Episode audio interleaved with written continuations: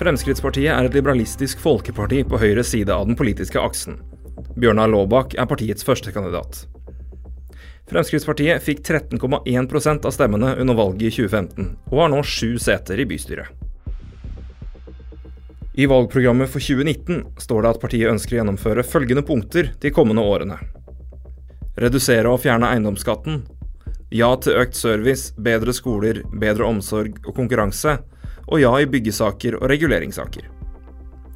De ønsker også å innføre valgfrihet i omsorgen, forbedre hjemmebaserte tjenester, øke antallet sykehjemsplasser, et klart og tydelig nei til nedleggelse av sykehjem, nedleggelse av skoler og til bomring, opprette ombud for barn og unge, nei til restriktive tiltak mot bilbruk og parkering, og nei til fortetting i sentrum på bekostning av vekst utenfor byområdet.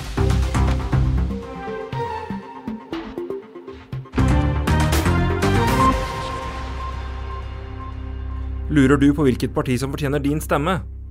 Med Fredrikstad Blads lokale velgerhjelp kan du finne ut hvilket parti du er mest enig med. Den finner du på f-b.no.